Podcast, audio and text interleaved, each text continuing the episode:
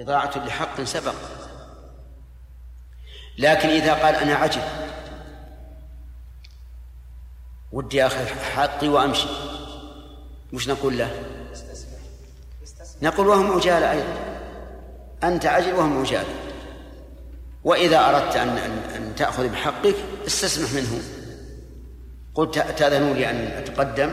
إذا أذنوا فلا فلا حرج لأن حق لهم. وفيه أيضا آه، أن المخالفة للإكرام لا تعد معصية. المخالفة للإكرام لا تعد معصية. من أين نأخذها؟ من قول أبي قتادة لما أمر الرسول عليه الصلاة والسلام بالشرب قال لا أشرب حتى تشرب.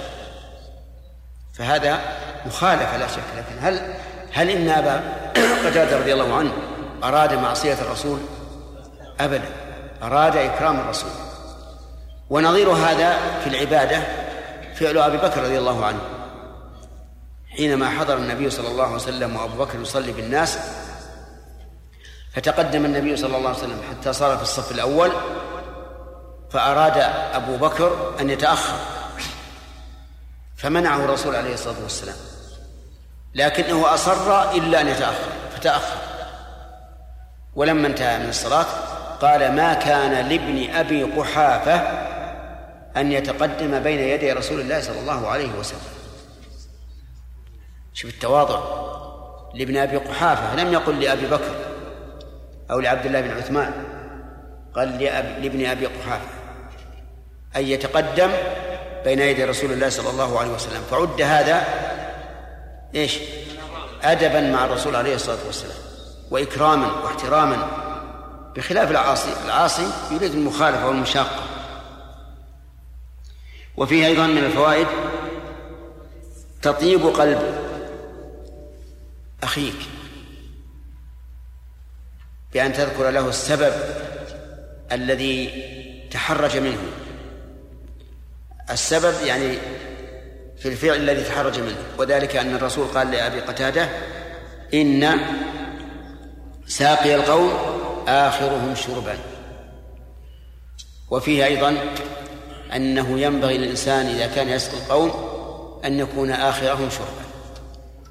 من أجل أن يحصل على الإيثار إيثار الإيثار على النفس فإن الله امتدح الذين يؤثرون على أنفسهم ولو كان بهم خصاصة.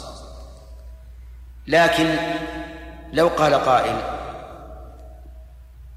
إذا كانت المسألة فيها شك أفلا يكون الأحسن أن يشرب ساقي القوم هو الأول؟ الجواب بلى. ولهذا يذكر أن النبي صلى الله عليه وسلم كان بعد أن وضع له السم في خيبر كان لا يأكل طعام أحد حتى يذوقه الذي قدمه قبل. وكان هذا أيضا عادة بعض الأمراء. إذا قدم لهم طعام أو شراب لا يذوقونه حتى يبدأ به من قدمه خوفا من إيش؟ من أن يكون فيه ما يضر.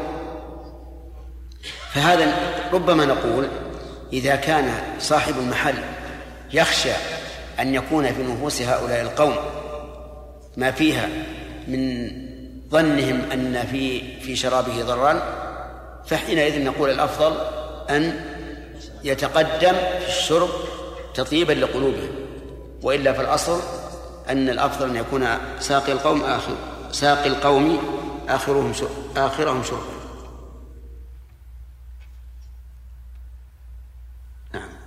وعلى كل في فوائد كثيرة غير هذه لكن هذا ما تيسر. والله موفق. نعم. صلى الله عليه وسلم فإذا كان الغدو فليصليها عند وقتها إيش؟ فإذا كان الغدو فليصليها عند وقتها نعم. أنه يؤجلها حتى وقتها من الغد. لا لا لا. يعني معناها الصلاة الثانية لا يقول إني إني صليت صليت اليوم متأخرا فأصلي غدا متأخرا. المعنى أن صلاته اليوم قضاء لا تؤدي أن يصلي الصلاة الثانية في بعد الوقت. ويقول هذا من العمل الذي أثبته. نعم عبد الله.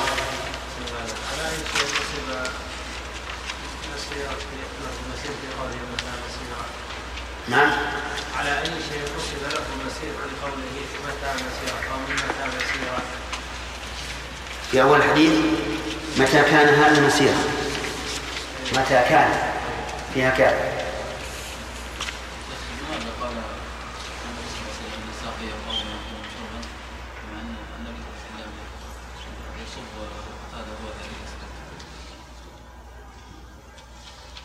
من هذا الذي يسقي؟ اللي ياخذ الإناء ويعطيها الآخرين أو اللي يصب فيه الماء؟ يصب. أسأل. ما في شيء هذا يناول بالنيابة عن الرسول عليه الصلاة والسلام. ولو شاء الرسول لأمسك عن الصب ولم يسقي أحد. ثلاثة. نعم. هذا الحديث يقيد من المهمات شيء إيش؟ الحديث هذا يقيد من المهمات. إيش؟ الحديث هذا يقيد من المهمات. اي نعم نعم. هذا من المهمات. بس مش موجود. ها؟ غير موجود. من؟ اي كمال. هل له نائب؟ نعم. نعم. الظاهر لا ينوب عن الجزائري إلا الجزائريون يلا. أنت يعني. المقصود بارك الله فيكم تقيدون إحنا ذكرنا أول ما بدأنا بالكتاب إن الأحاديث الهامة إنها تقيد. تقيد في دفتر وبعدين إن شاء الله تنقل. تقيد في دفتر وبعدين إن شاء الله تنقل. وكان أخونا عبد الرحمن بن داود رحمة الله عليه هو الذي يتولى ذلك. ثم قال كمال إني أنا أتولى ذلك من بعده.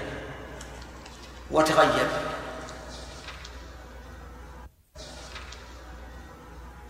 ولا أرى أحسن من الجزائري نعم. في الدرس السابق. ها؟ في الدرس الذي قبل هذا آه، الرسول استدل بقوله تعالى فإن الله تعالى قال وأقم الصلاة لذكر. أين؟ وجه استدلال بهذه الآية. هذه معناها أن أنك تقيم الصلاة إذا ذكرت.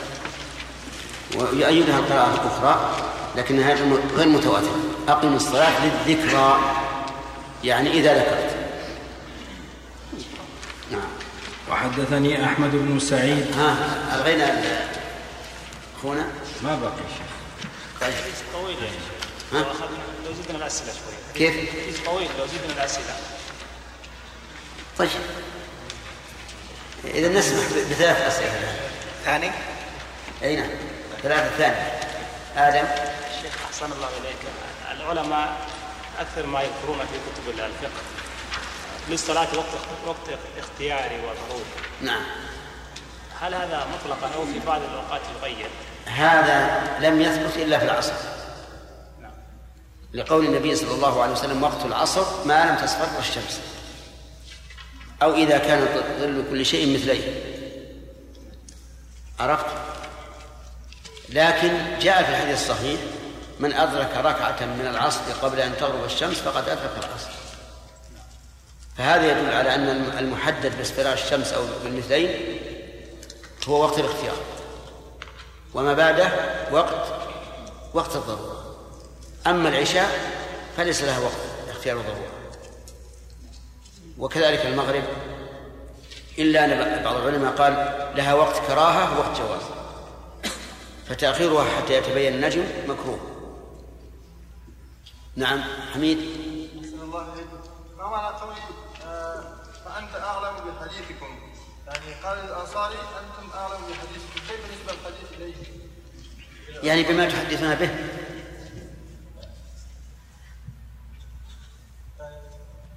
هذا الحديث كأنه يعني كان الأنصار أعلم بهذا.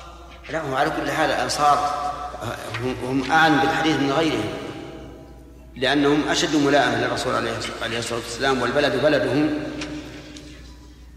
والشيء يضاف إلى أدنى ملابسة. ولهذا يقال سرج الدابة مقود الجمل وما أشبه.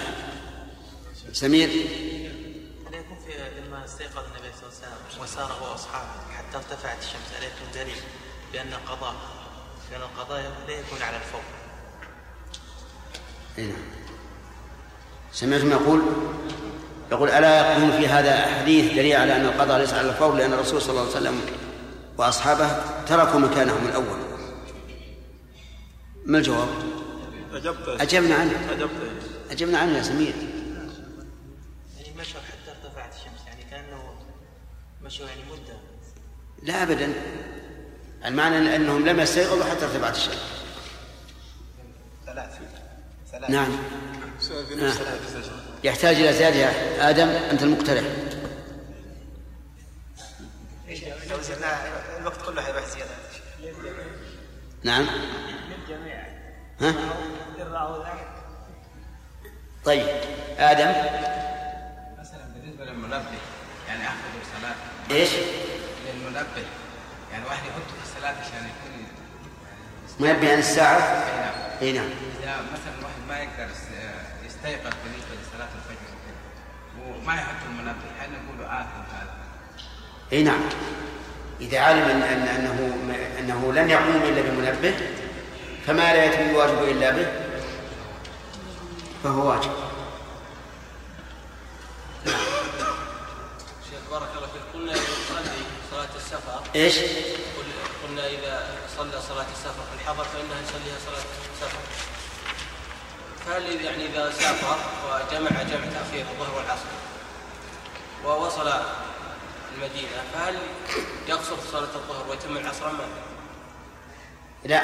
لا ما يقصر الظهر صلاة السفر الجمع بارك الله فيك يجعل الوقتين وقتا واحدا فهمت؟ ولهذا يغلط بعض الناس يقولون الجمع لابد يكون بين الصلاتين هذا لا لا يمكن. إذا جاز الجمع للإنسان لمرض أو عذر آخر أو سفر صار الوقتان وقتا واحدا. إي نعم.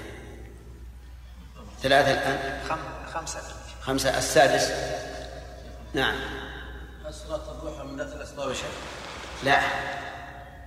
ليس من ذوات الأسباب. لكنها من الصلاة من النوافل المقا... المؤقتة تأخر النبي صلى الله عليه وسلم ما قريب الفجر قريب الظهر هي وقتها إلى وقت صلاة الضحى إلى قريب. الظهر نعم. وحدثني أحمد بن سعيد بن صخر الدارمي قال حدثنا عبيد الله بن عبد المجيد قال حدثنا سلم بن زرير قال حدثنا سلم بن زرير العطاردي قال سمعت أبا رجاء العطاردي عن عن عمران بن حصين قال كنت مع نبي الله صلى الله عليه وسلم في مسير له فأدلج فأدلجنا ليلتنا حتى إذا كان في وجه الصبح عرسنا فغلبتنا أعيننا حتى بزغت الشمس. قال فكان أول من استيقظ منا أبو بكر وكنا لا ننقذ نبي الله صلى الله عليه وسلم من منامه إذا نام حتى يستيقظ. ثم استيقظ عمر فقام عند نبي الله صلى الله عليه وسلم فجعل يكبر ويرفع صوته بالتكبير حتى استيقظ رسول الله صلى الله عليه وسلم.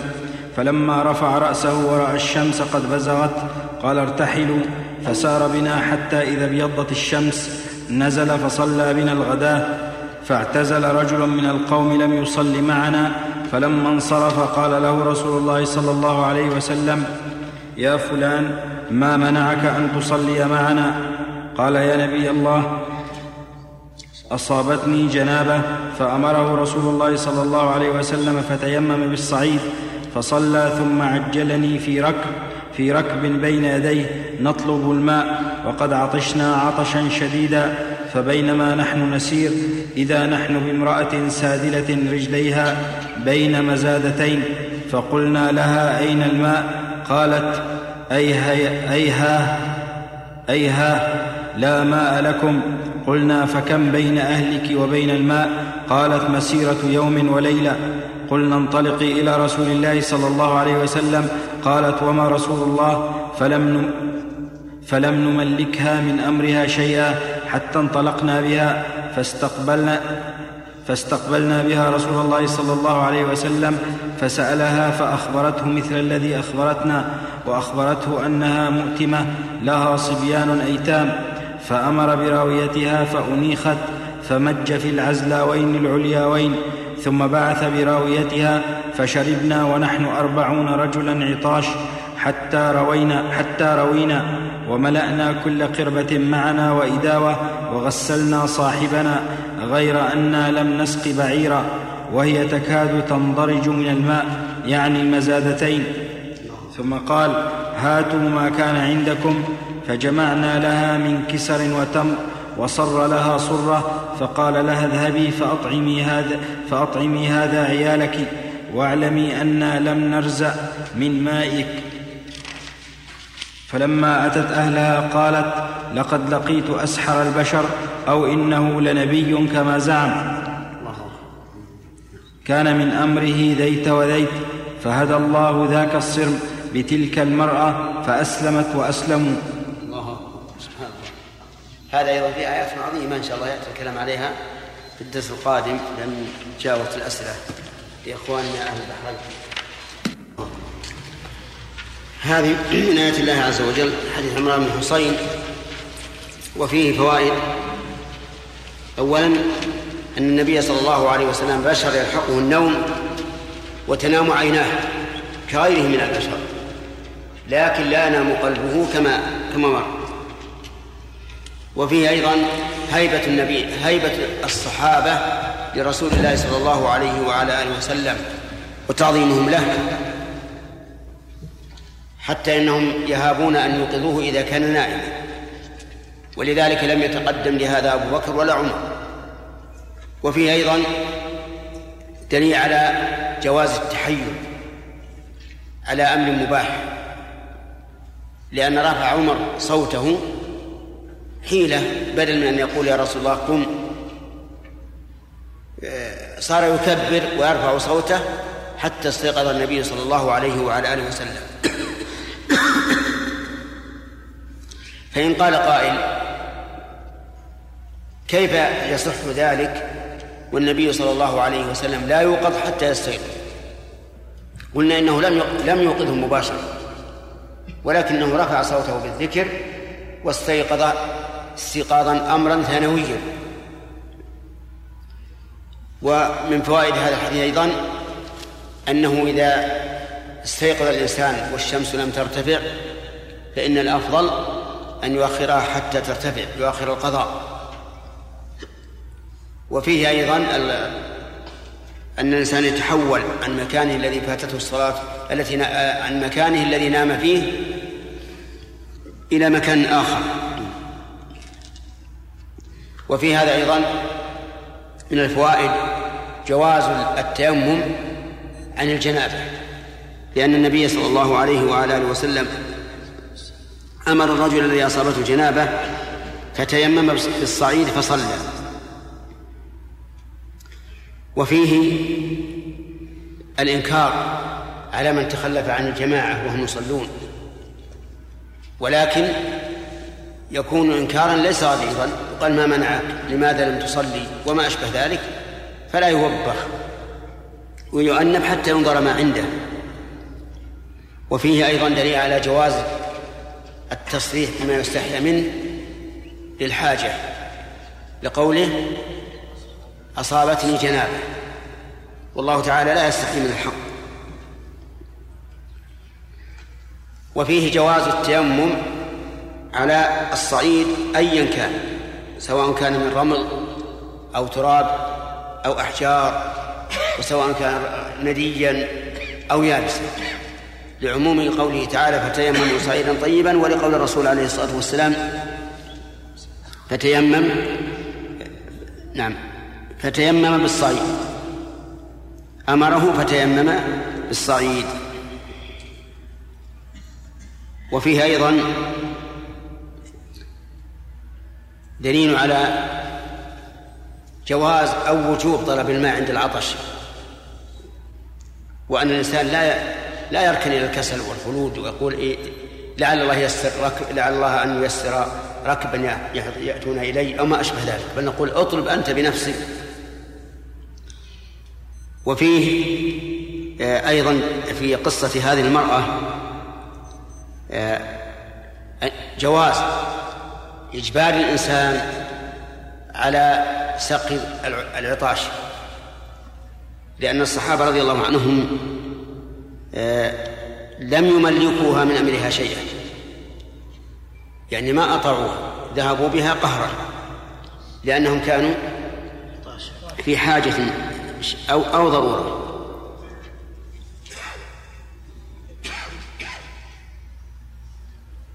وفيه دليل على أن صوت المرأة ليس بعورة وجواز مخاطبة المرأة الأجنبية التي ليست بمحرم. لأن الصحابة خاطبوها ولم ينكر النبي صلى الله عليه وسلم عليهم وخاطبها النبي صلى الله عليه وسلم أيضا بحضرة المسلمين وصارت تخاطبه. وهذا يضعف القول بأن صوت المرأة عورة. كما دل على ذلك القرآن أي أن صوتها ليس بعورة لأن الله سبحانه وتعالى قال وإذا غير هذا حاجة. قول قال الله تعالى ولا تخضعن بالقول فيطمع الذي في قلبه مرض فنهى عن الخضوع بالقول فدل ذلك على أن القول المعتاد لا بأس به وفيه أيضا دليل على آية من آيات الرسول عليه الصلاة والسلام وهي أن القوم كلهم وهو كلهم توضأوا أو شربوا من هذا الماء ومع ذلك لم تنقص قربتها شيئا. وفيه أيضا دليل على مكافأة صاحب المعروف لأن النبي صلى الله عليه وعلى آله وسلم كافأها. بماذا؟ بما جمع لها من الطعام. وفيها فيها أيضا دليل على صراحة العرب حيث قالت هذه المرأة جئتكم من أسحر الناس أو من رسول الله لأنها رأت أمرا غريبا جاءت بهذه الراوية وهي مملوءة ماء ثم شرب القوم منها وعددهم كثير ورجعت وهي مثل حالها أو أكثر. وهذا حقيقة إما سحر وإما آية من آيات الله لأنه خارج عن خارج عن العادة. واعلم أن الخارج عن العادة ينقسم إلى ثلاثة أقسام. إما آيات نبي أو كرامات ولي أو شعوذة وسحر من الشياطين. أما آية النبي فهي كل أمر خارق للعادة يظهره الله سبحانه وتعالى على يد الرسول. تأييدا له وتثبيتا لدعوته. وأما الكرامة فهي كل أمر خارق للعادة يظهره الله على يد الولي والولي هو المؤمن التقي إما كرامة له وإما لنص الحق. فمن الأول ما جرى لمريم رضي الله عنها حيث يسر الله لها نخلة آه، هزتها وتساقطت عليها رطبا جنيا ومن الثاني ما جرى لعمرو بن علاء في مشيه على الماء وكذلك سعد بن ابن أبي وقاص رضي الله عنه حيث جروا على الماء بخيولهم وجيوشهم دون أن يغرقوا أن يغرقوا.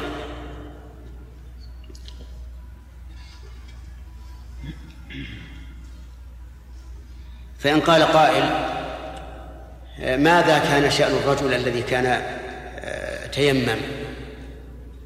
فيقال إنه ثبت في صحيح البخاري وربما يكون أيضا في صحيح مسلم في سياق آخر أنه لما آه، فرغ الناس من الماء أعطاه النبي صلى الله عليه وسلم ماء وقال خذ هذا أفرغه على نفسك. فأخذه فاغتسل به.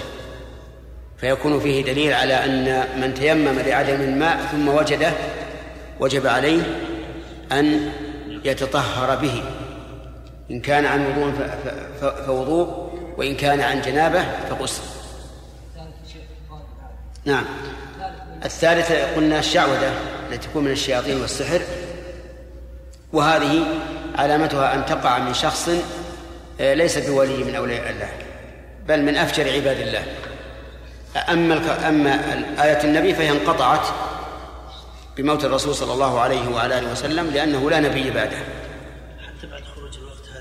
نعم. الغسل إعادة حتى بعد خروج الوقت. إي نعم. حتى بعد خروج الوقت. متى تصح القاعدة ما تع... ما تع... ما ما يعيد الصلاة إلا صلاها الصلاة ما يعيد. نعم. في الأحاديث السابقة قال أن النبي صلى الله عليه وسلم هو أول الناس استيقاظا. هذه قضيتان نعم. وغسلنا صاحبنا هو نفس الرجل. إيش؟ وغسلنا صاحبنا. إيش؟ وغسلنا صاحبنا. غسلنا صاحبنا. هو نفس الرجل يعني. أين هو؟ في الحديث. الحديث. ومل- وملأنا كل قوة معنا نعم. كل قربة معنا. وإدارة.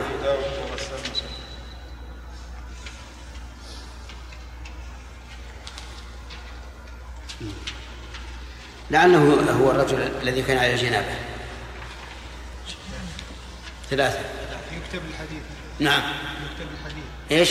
يكتب هذا الحديث. يكتب كل الحديث اللي مرت هذا وحديث أبي قتادة كلها تكتب أو على الأقل تجمع. في حديث واحد. نعم. نكتب احسنها سياقا إي نعم. ثلاثة يا سليم. حدثنا ثلاثة بارك الله فيك. نعم. حدثنا إسحاق بن إبراهيم الحنظلي قال أخبرنا النضر بن شميل قال حدثنا عوف بن أبي جميلة الأعر- الأعرابي عن أبي رجاء العطاردي عن عمران بن الحصين قال كنا مع رسول الله صلى الله عليه وسلم في سفر فسرينا ليلة حتى إذا كان من آخر الليل قبيل الصبح وقعنا تلك الوقعة التي لا وقعة عند المسافر أحلى منها. فلما صحيح. فما أحلى ما يكون تأتي بعد التعب في آخر الليل في البراد هذه ما ما أحلى منها عند المسافر. الله أكبر. نعم. فما أيقظنا إلا حر الشمس وساق الحديث بنحو حديث سلم بن زرير. وزاد ونقص وقال في الحديث فلما استيقظ عمر بن الخطاب ورأى ما أصاب الناس وكان أجو وكان أجوف جليدا فكبر ورفع صوته بالتكبير حتى استيقظ رسول الله صلى الله عليه وسلم لشدة صوته بالتكبير.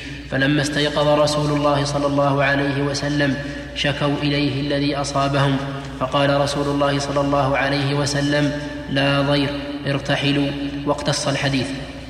حدثنا إسحاق بن إبراهيم قال أخبرنا سليمان بن حرب قال حدثنا حماد بن سلمة عن حميد عن بكر بن عبد الله عن عبد الله بن رباح عن أبي قتادة قال كان رسول الله صلى الله عليه وسلم إذا كان في سفر فعرس بليل اضطجع على يمينه وإذا عرس قبيل الصبح نصب ذراع نصب ذراعه ووضع رأسه على كفه.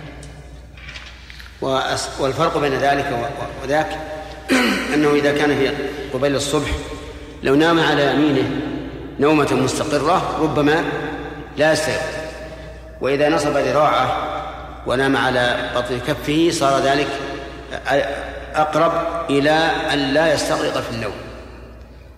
ففيه مراعاة الأحوال وأن الإنسان يستعمل لكل حال ما يناسبها. ولهذا قال الشاعر البس لكل حالة لبوسا يعني كل شيء أعطيه ما يستحق. نعم. نعم. سليم؟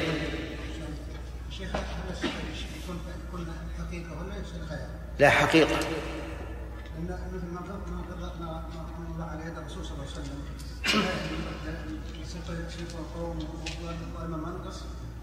إيش؟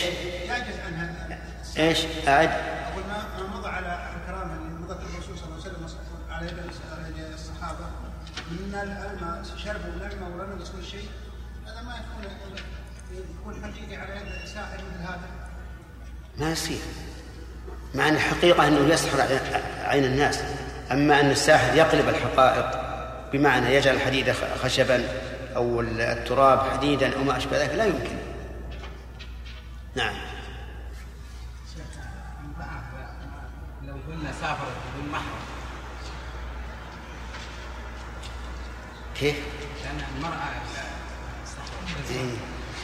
هي لم تسلم يا يا آدم هي لم تسلم. ولهذا قد وش هذا النبي؟ لما طلبوا أن يتوفى إلى رسول الله. نعم. ذكرنا هنا قال وإذا عرس قبيل الصبح نصب ذراعه ووضع كتفه هل نقول أن هذه مبينه لاضطجاع النبي صلى الله عليه وسلم بعد سنة الفجر؟ فيكون هذا بيان ومن اضطجع لا لا. لا, لا سنة الفجر صريح. أن يضطجع على يمينه ما ينصب ذراعه الاحوال يا شيخ؟ ها؟ أحيانا وأحيانا يعني. لا ما ورد في سنة الفجر. قبيل الفجر يعني معناه في مسافر ونزل يريد أن أن ينام. لكن قبيل الفجر. حدثنا هداء بن خالد قال حدثنا همام قال حدثنا قتادة عن أنس بن مالك أن رسول الله صلى الله عليه وسلم قال من نسي صلاة فليصلها إذا ذكرها لا كفارة لها إلا ذلك. قال قتادة وأقم الصلاة لذكري. وحدثناه يحيى بن يحيى. وسعيد بن منصور وقتيبة بن سعيد جميعا عن أبي عوانة عن عن قتادة عن أنس عن النبي صلى الله عليه وسلم ولم يذكر لا كفارة لها إلا ذلك. وحدثنا محمد بن المثنى قال حدثنا عبد الأعلى قال حدثنا سعيد عن قتادة عن أنس بن مالك قال قال رسول الله قال قال النبي الله صلى الله عليه وسلم من نسي صلاة أو نام عنها فكفارتها أن يصليها إذا ذكرها. وحدثنا نصر بن علي الجهضمي قال حدثني أبي قال حدثنا المثنى عن قتادة عن أنس بن مالك قال قال رسول الله صلى الله عليه وسلم إذا رقد أحدكم عن الصلاة أو غفل عنها فليصلها إذا ذكرها فإن الله يقول أقم الصلاة لذكري. نعم.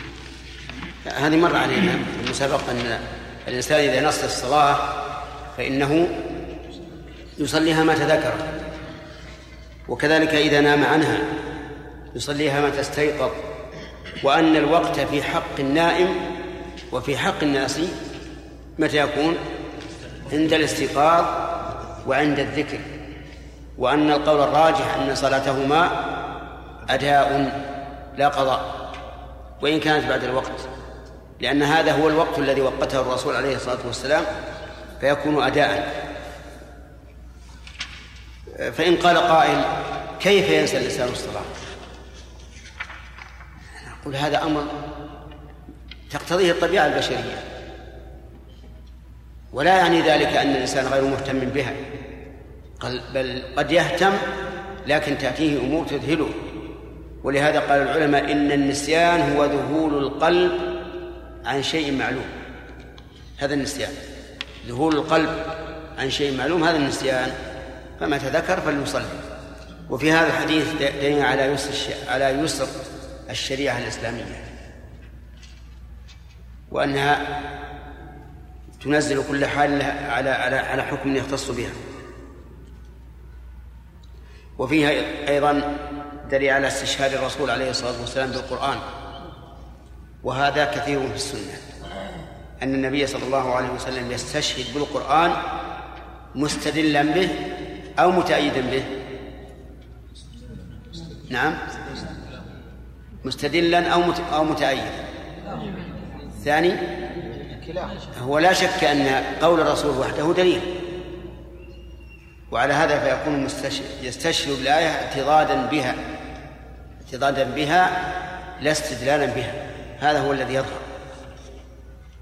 وإن قلنا إنه استدلال صار دليلا إلى إلى دليل فيكون أقوى. في الحديث حديث عمران بن حسين فائدة نسيتها. ومن نسي صلاة فليصليها إذا ذكر. وهي أن وهي بركة هذه المرأة على قومها حيث إنها أسلمت وأسلمت. فينبني على هذه الفائدة أن الإنسان قد يكون مباركا في سعيه. وإذا وجد ذلك في نفسه فليحمد الله على هذه النعمة. وكثيرا ما يأتي ما تأتي يأتي الشيء بسبب شخص ما وهو لم يقصد هذا الشيء ولا كان على باله لكن يكون من بركته. ولهذا قال عيسى عليه الصلاة والسلام وجعلني مباركا أينما كنت وأوصاني بالصلاة والزكاة ما دمت حيا وبرا بوالدتي. فالإنسان إذا رأى أن الله سبحانه وتعالى يجعل على يديه الخير والبركة فهذه نعمة عظيمة. ينبغي أن أن يحمد الله عليها. بل يجب أن يحمد الله عليها ويشكره عليها. نعم. نجار بارك الله فيك قلنا في ترجمة النووي باب قضاء الصلاة الصلاة الفائتة واستحباب تعجيل قضائها. نعم. قلنا أن الصحيح وجوب. وجوب. نعم. وقلنا الآن أنه إذا قام كما قام النبي صلى الله عليه وسلم فلما رفع رأسه والشمس قد بزغت فقال ارتحل قلنا فيه استحباب انتظار طلوع الشمس. إي نعم. هذا إذا السياق الثاني ليس فيه هذا. السياق الثاني في حديث عمران أنه أيقظهم حر الشمس. والشمس لا يمكن أن تحتر إلا بعد أن ترتفع. ارتفاعا بينا فالظاهر والله أعلم أن الرواية الأولى أنها شاذة. هذا الظاهر. نعم. عنكم. شيخ حكينا قصة سعد بن وقاص لما عبر البحر الدنيا غرق شيخ بعضهم قال أن هذه يعني, يعني لم تثبت. نعم. يعني بحرين ذاك الزمان ليس بحرين بحرين اليوم جزيرة. ما هي ما هي في البحرين؟ سعد بن وقاص في, في العراق. نهر دجلة لكن العرب بن حضرمي هو اللي قالوا البحرين. بعضهم قال هذا ما يثبت يعني. نعم. يعني قالوا إن هذا تخمين وكذا. هم عبروا على كل حال تعرف التاريخ الغالب كما قال الإمام أحمد رحمه الله الغالب من التاريخ ما ما له إسناد. يكون مشهورا بين الناس ويتناقلونه إلى يومنا هذا الآن. التاريخ اللي مثلا الوقائع اللي وقعت في في عصرنا هذا تجد تشتهر بين الناس لكن لو أردت أن تقول حدثني فلان عن فلان ما تجد هذا. نعم. بالنسبة للإنسان إذا نام عن الصلاه يغير بالنسبة لإيش؟ الإنسان إذا نام عن الصلاه في مكان في البيت هل يغير مكان نومه؟ قلنا هذا البارحه راجع الشريط. ثلاثة. آدم. ها ثلاثة. نعم. بسم الله الرحمن الرحيم. كتاب ص... كتاب صلاة المسافرين كتاب صلاة المسافرين وقصرها. أنا ليس عندي بسملة ولا كتاب. عندنا بسملة وكتاب. إيه سبحان الله. كتاب ولا وليس عندنا بسمة إيه. شوف ثلاث نسخ الآن. باب بلا كتاب باب بلا تسمية وكتاب بلا تسمية وتسمية. ها؟ وباب. لا ما في. كتاب بلا باب. كتاب بلا باب. عجيب. فيها أربعة ولا اثنين. على كلها. طيب. تفضل. باب صلاة المسافرين وقصرها. حدثنا يحيى بن يحيى قال قرأت على مالك عن صالح بن كيسان عن عروة بن الزبير عن عائشة زوج النبي صلى الله عليه وسلم أنها قالت فرضت الصلاة ركعتين ركعتين في الحضر والسفر فأقرت صلاة السفر وزيد في صلاة الحضر. وحدثني أبو الطاهر وحرملة بن يحيى قال حدثنا ابن وهب عن يونس عن ابن شهاب قال حدثني عروة بن الزبير أن عائشة زوج النبي صلى الله عليه وسلم قالت فرض الله الصلاة حين فرضها ركعتين ثم أتمها في الحضر فأقرت صلاة السفر على الفريضة الأولى. وحدثني علي بن وحدثني علي بن خشرم قال أخبرنا ابن عيينة عن الزهري عن عروة عن عائشة أن الصلاة أول ما فرضت ركعتين فأقرت صلاة السفر وأتمت صلاة الحضر. قال الزهري فقلت لعروة ما بال عائشة تتم في السفر؟ قال إنها تأولت كما تأول عثمان. هذا فيه دليل على أن صلاة المسافر ركعتان فقط لأن الصلاة فرضت أول ما فرضت ركعتين الظهر والعصر والعشاء. أما الفجر فقد فرضت ركعتين وأقرت. وأما المغرب فهي ثلاث ولم تقصر لتعذر قصرها ولأنها وتر النهار. فلو قصرت لكانت ركعة ونصفا وهذا متعذر. ولو جعلت ركعتين فاتت الوترية فلم يبق إلا أن تكون ثلاثا. طيب لماذا لم تقصر إلى واحدة؟ يكون في هذا إجحاف إجحاف بالصلاة. حيث حذف ثلثاه. فصار المتعين أن تكون ثلاثا وهو كذلك. ومتى فرضت ومتى زيد قد جاء في صحيح البخاري بيان أنها زيدت صلاة الحضر بعد أن هاجر النبي صلى الله عليه وعلى آله وسلم. صارت الحضر صلاة الحضر أربعة وقد أخذ بعض أهل العلم من هذا الحديث وجوب قصر الصلاة في السفر. من قولها رضي الله عنها أقرت على الفريضة الأولى. قالوا وهذا صحيح بأن بأن التثنية في صلاة السفر فريضة. ولكن في هذا الاستدلال عند التأمل نظر لأن معنى أقرت على الفريضة الأولى أي أنها لم تزد وهذا لا ينافي أن أن يكون أن أن يكون القصر سنة وليس بواجب. ويؤيد القول بأن القصر سنة أن الصحابة رضي الله عنهم في زمن عثمان لما أتم في منى واستنكروا ذلك منه وأنكروا واسترجعوا كانوا يصلون معه أربع ركعات خوفا من الفتنة والتفرق. ولو كانوا يعتقدون أن أن القص واجب ما صلوا معه أربع ركعات. لأن من اعتقد أن القص واجب لزمه إذا أتم أن تبطل صلاته كما لو صلى الظهر ثمانيا. فدل هذا على أن كونها مقصورة من السنن. وكنت كنت أرى قبل قبل أن أنها فريضة لكن بعد التأمل تبين لي أنها سنة أعني القصر. لكنه لا شك أنه يكره لما في قوة الخلاف لما في الخلاف من قوة. وفي الحديث آه، استنكار الصحابة أن يروي الراوي حديثا ثم يخالفه في فعله فإن عائشة ذكر كانت تتم فتأولت كما كما تأول عثمان. نقرأ الشرح هنا.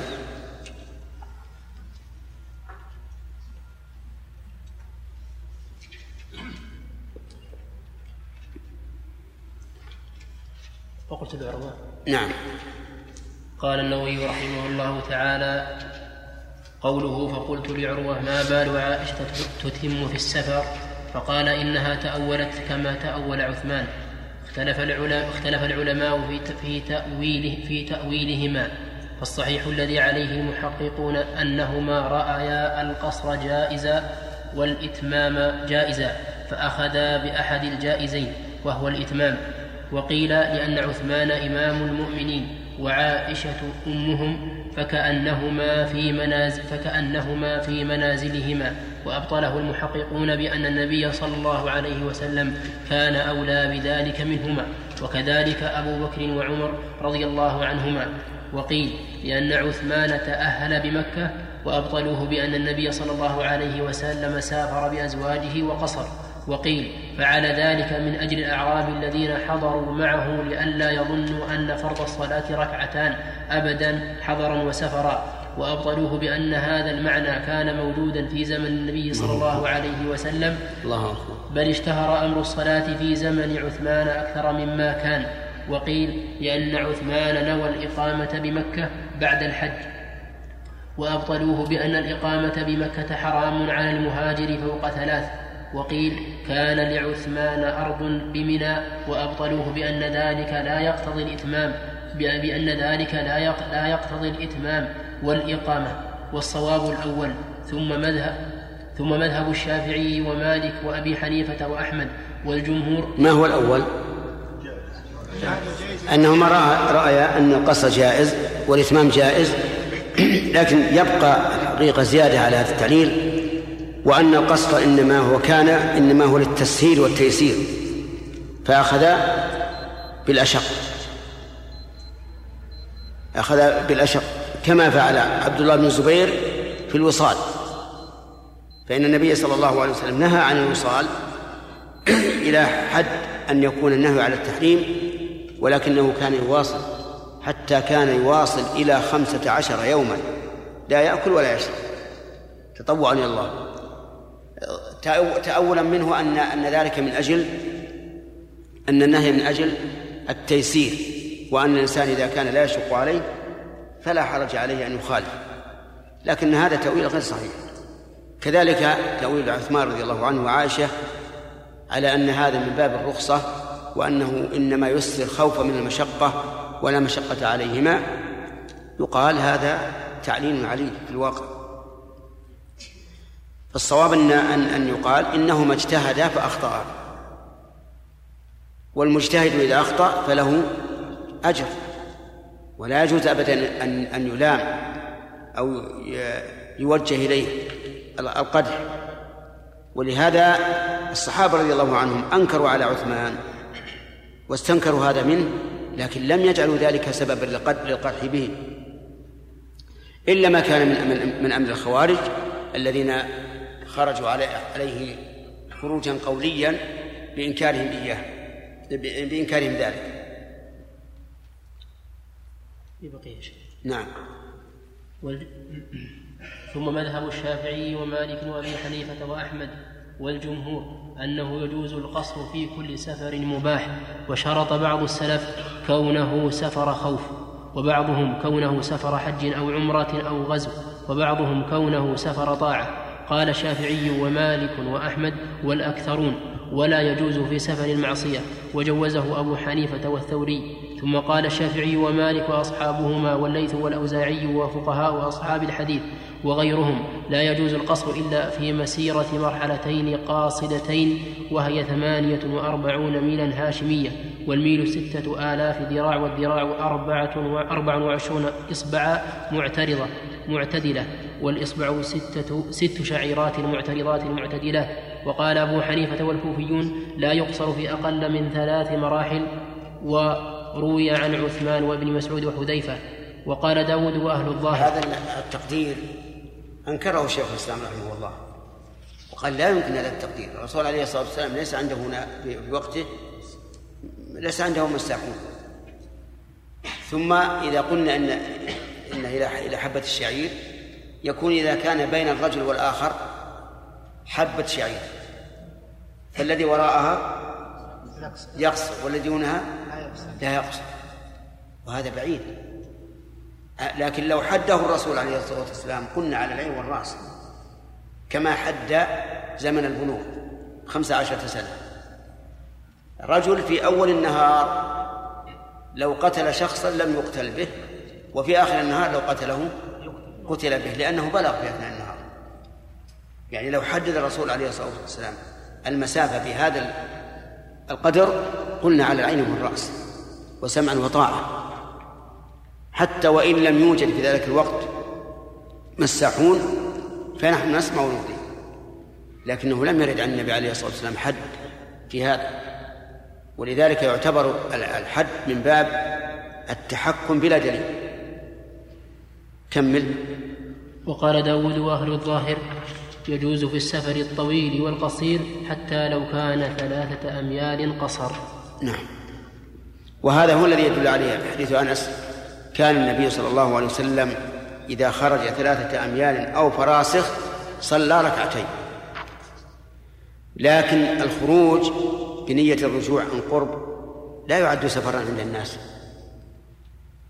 لكن بنية الإقامة في في في هذه المسافة القصيرة يعتبر سفرا.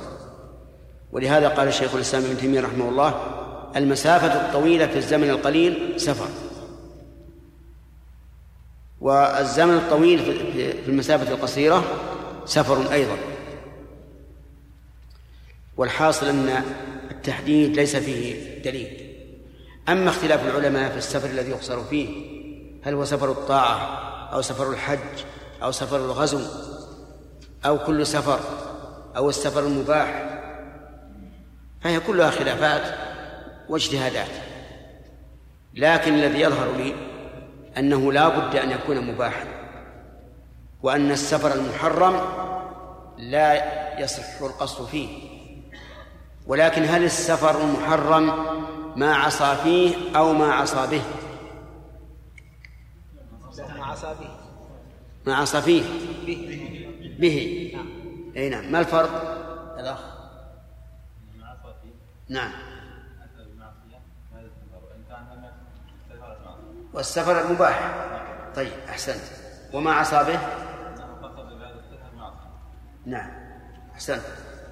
لو سافر إلى بلد الكفر مع تحريم السفر فهذا؟ إيش؟ عاصم. فيه ولا به؟ عاصم به. ولو سافرت المرأة بلا محرم؟ فيه. به به. طيب. ولو أنه سافر وفي أثناء سفره شرب الخمر؟ فيه هذا عاصم فيه. ي- يرى بعض العلماء أن العاصي بسفره لا يقصر وذلك لأن القصر رخصة فلا يستباح بالمعصية. وقال آخرون بل يقصر بناء على عموم الأدلة وهذا مذهب أبي حنيفة رحمه الله واختيار شيخ الإسلام ابن تيمية رحمه الله. وقال إن السفر في كتاب الله مطلق لكن عندي في هذا شيء في نفسي من هذا شيء. لأن نقول لهذا الرجل لا نساعدك في القصر بل نؤدبك فنقول لا تقصر وإذا أردت القصر فتب. إذا تبت ارجع. في حال رجوعك بعد التوبة تقصر يقصر هذا عندي أنه أقرب. نعم. شيخ يعني رجل مسافر. ها؟ رجل سافر مسيرة ثلاثة أميال وفراسخ نعم. هو يريد أن يقصر لكن معه ناس. إذا قصر فالناس ينكرون عليه. إنكارا عليه ربما يعني يفرون منه. مثلا أتم بسبب مراعاة للتعليم للتعليم لا بأس. لا بأس لكن في هذه الحال يجعل واحدا منهم يصلي إذا كان أقرأ أو قريبا من منه.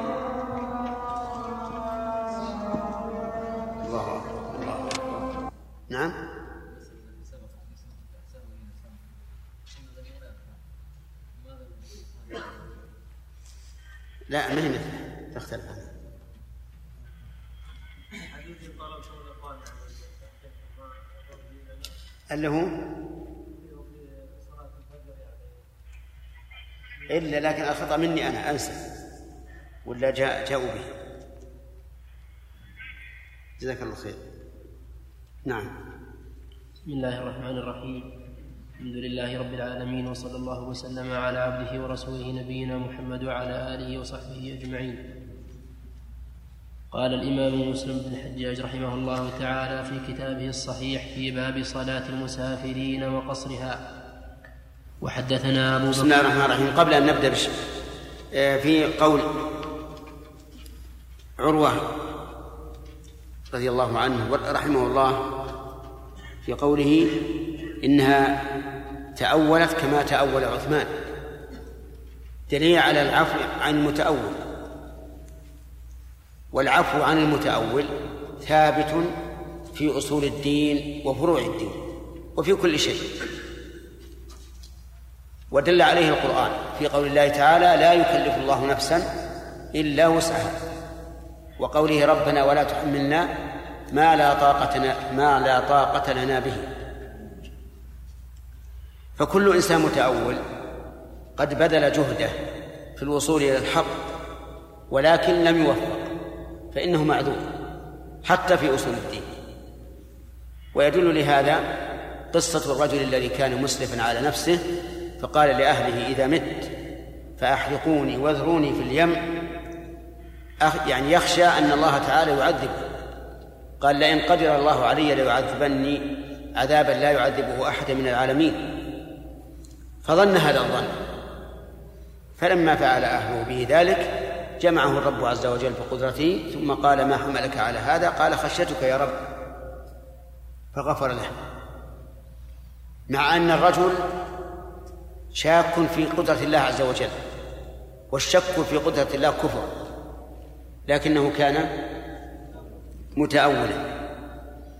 وكذلك أيضا إذا جرى الكفر على اللسان بلا قصد فإنه لا يؤاخذ به لعدم الإرادة. ودليله حديث التوبة أن الله أشد فرحا بتوبة عبده من رجل كان في فلاة من الأرض ومعه راحلته وعليها طعامه وشرابه ففقدها فطلبها فلم يجدها فاضطجع تحت شجرة ينتظر الموت فإذا بناقته قد حضرت فأخذ بخطامها وقال اللهم أنت عبدي وأنا ربك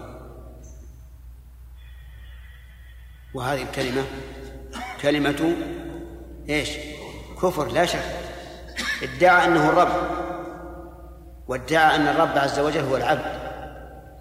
وهذا وصف لله بالنقص ووصف لنفسه بما لا يستحق من الربوبية ومع ذلك لم يؤاخذ. لماذا؟ لعدم القصد. ولهذا قال النبي صلى الله عليه وعلى آله وسلم أخطأ من شدة الفرح. كذلك المكره إذا أكره على الكفر. قولا كان الكفر أم فعلا؟ فإنه إذا فعل ذلك لدفع الإكراه لا مطمئنا بما أكره عليه فإنه لا لا لا يلحقه حكم ذلك الفعل. لقول الله تعالى من كفر بالله من بعد إيمانه إلا من أكره وقلبه مطمئن بالإيمان ولكن من شرح بالكفر صدرا فعليهم غضب من الله ولهم عذاب عظيم. والآية عامة. عامة لجميع أنواع الكفر القولية والفعلية. وبهذا نعرف ضعف حديث دخل النار رجل في ذباب ودخل الجنة رجل في ذباب. فإن هذا ضعيف. ولئن صح فإنه من شرائع من قبلنا لكنه لا يصح لأن النبي صلى الله عليه وسلم ساقه على سبيل العبرة. والاتعاظ به. ولكن نقول إذا أكره الإنسان على القول الكفر القولي أو الفعلي فإنه لا لا إثم عليه ولا يخرج بذلك من الإسلام. حتى لو أكرهه إنسان قال أسجد لي من دون الله فسجد خوفا من القتل الذي الذي ينفذه هذا المكره فإنه ليس كافرا. لكن هنا ثلاث مسائل. المسألة الأولى أن يسجد مطمئنا بهذا السجود. فهذا إيش؟ يكفر. لأنه قال لأن قلبه مطمئن بالكفر والعياذ بالله. الثاني آه، المسألة الثانية أن يفعله لدفع الإكراه فقط. ولا نوى السجود ولا شيئا. فهذا لا يكفر. والأمر فيه واضح. الثالث أن يسجد لا يقصد السجود لهذا الإنسان تعظيما له أو ذلا له لكن لأنه أكره. فهذا مختلف فيه. فقيل إنه يلحقه حكم الكفر لأنه لم ينوي دفع الإكراه وإنما سجد امتثالا لهذا الأمر. والصحيح أنه لا يكفر لأنه لم يسجد لهذا الإنسان ذلا ولا تعظيما. وكون الإنسان يستحضر أنه فعل ذلك دفعا للإكراه بعيد ولا سيما من العوام الذين لا لا يفقهون. الحاصل ان أن هذه الأمة ولله الحمد عفى الله عنها. إذا فعلت الشيء على وجه التأويل. بل والأمم السابقة لأن الله تعالى أرحم بعباده من الوالدة بولدها ولأن رحمته سبقت غضبه نعم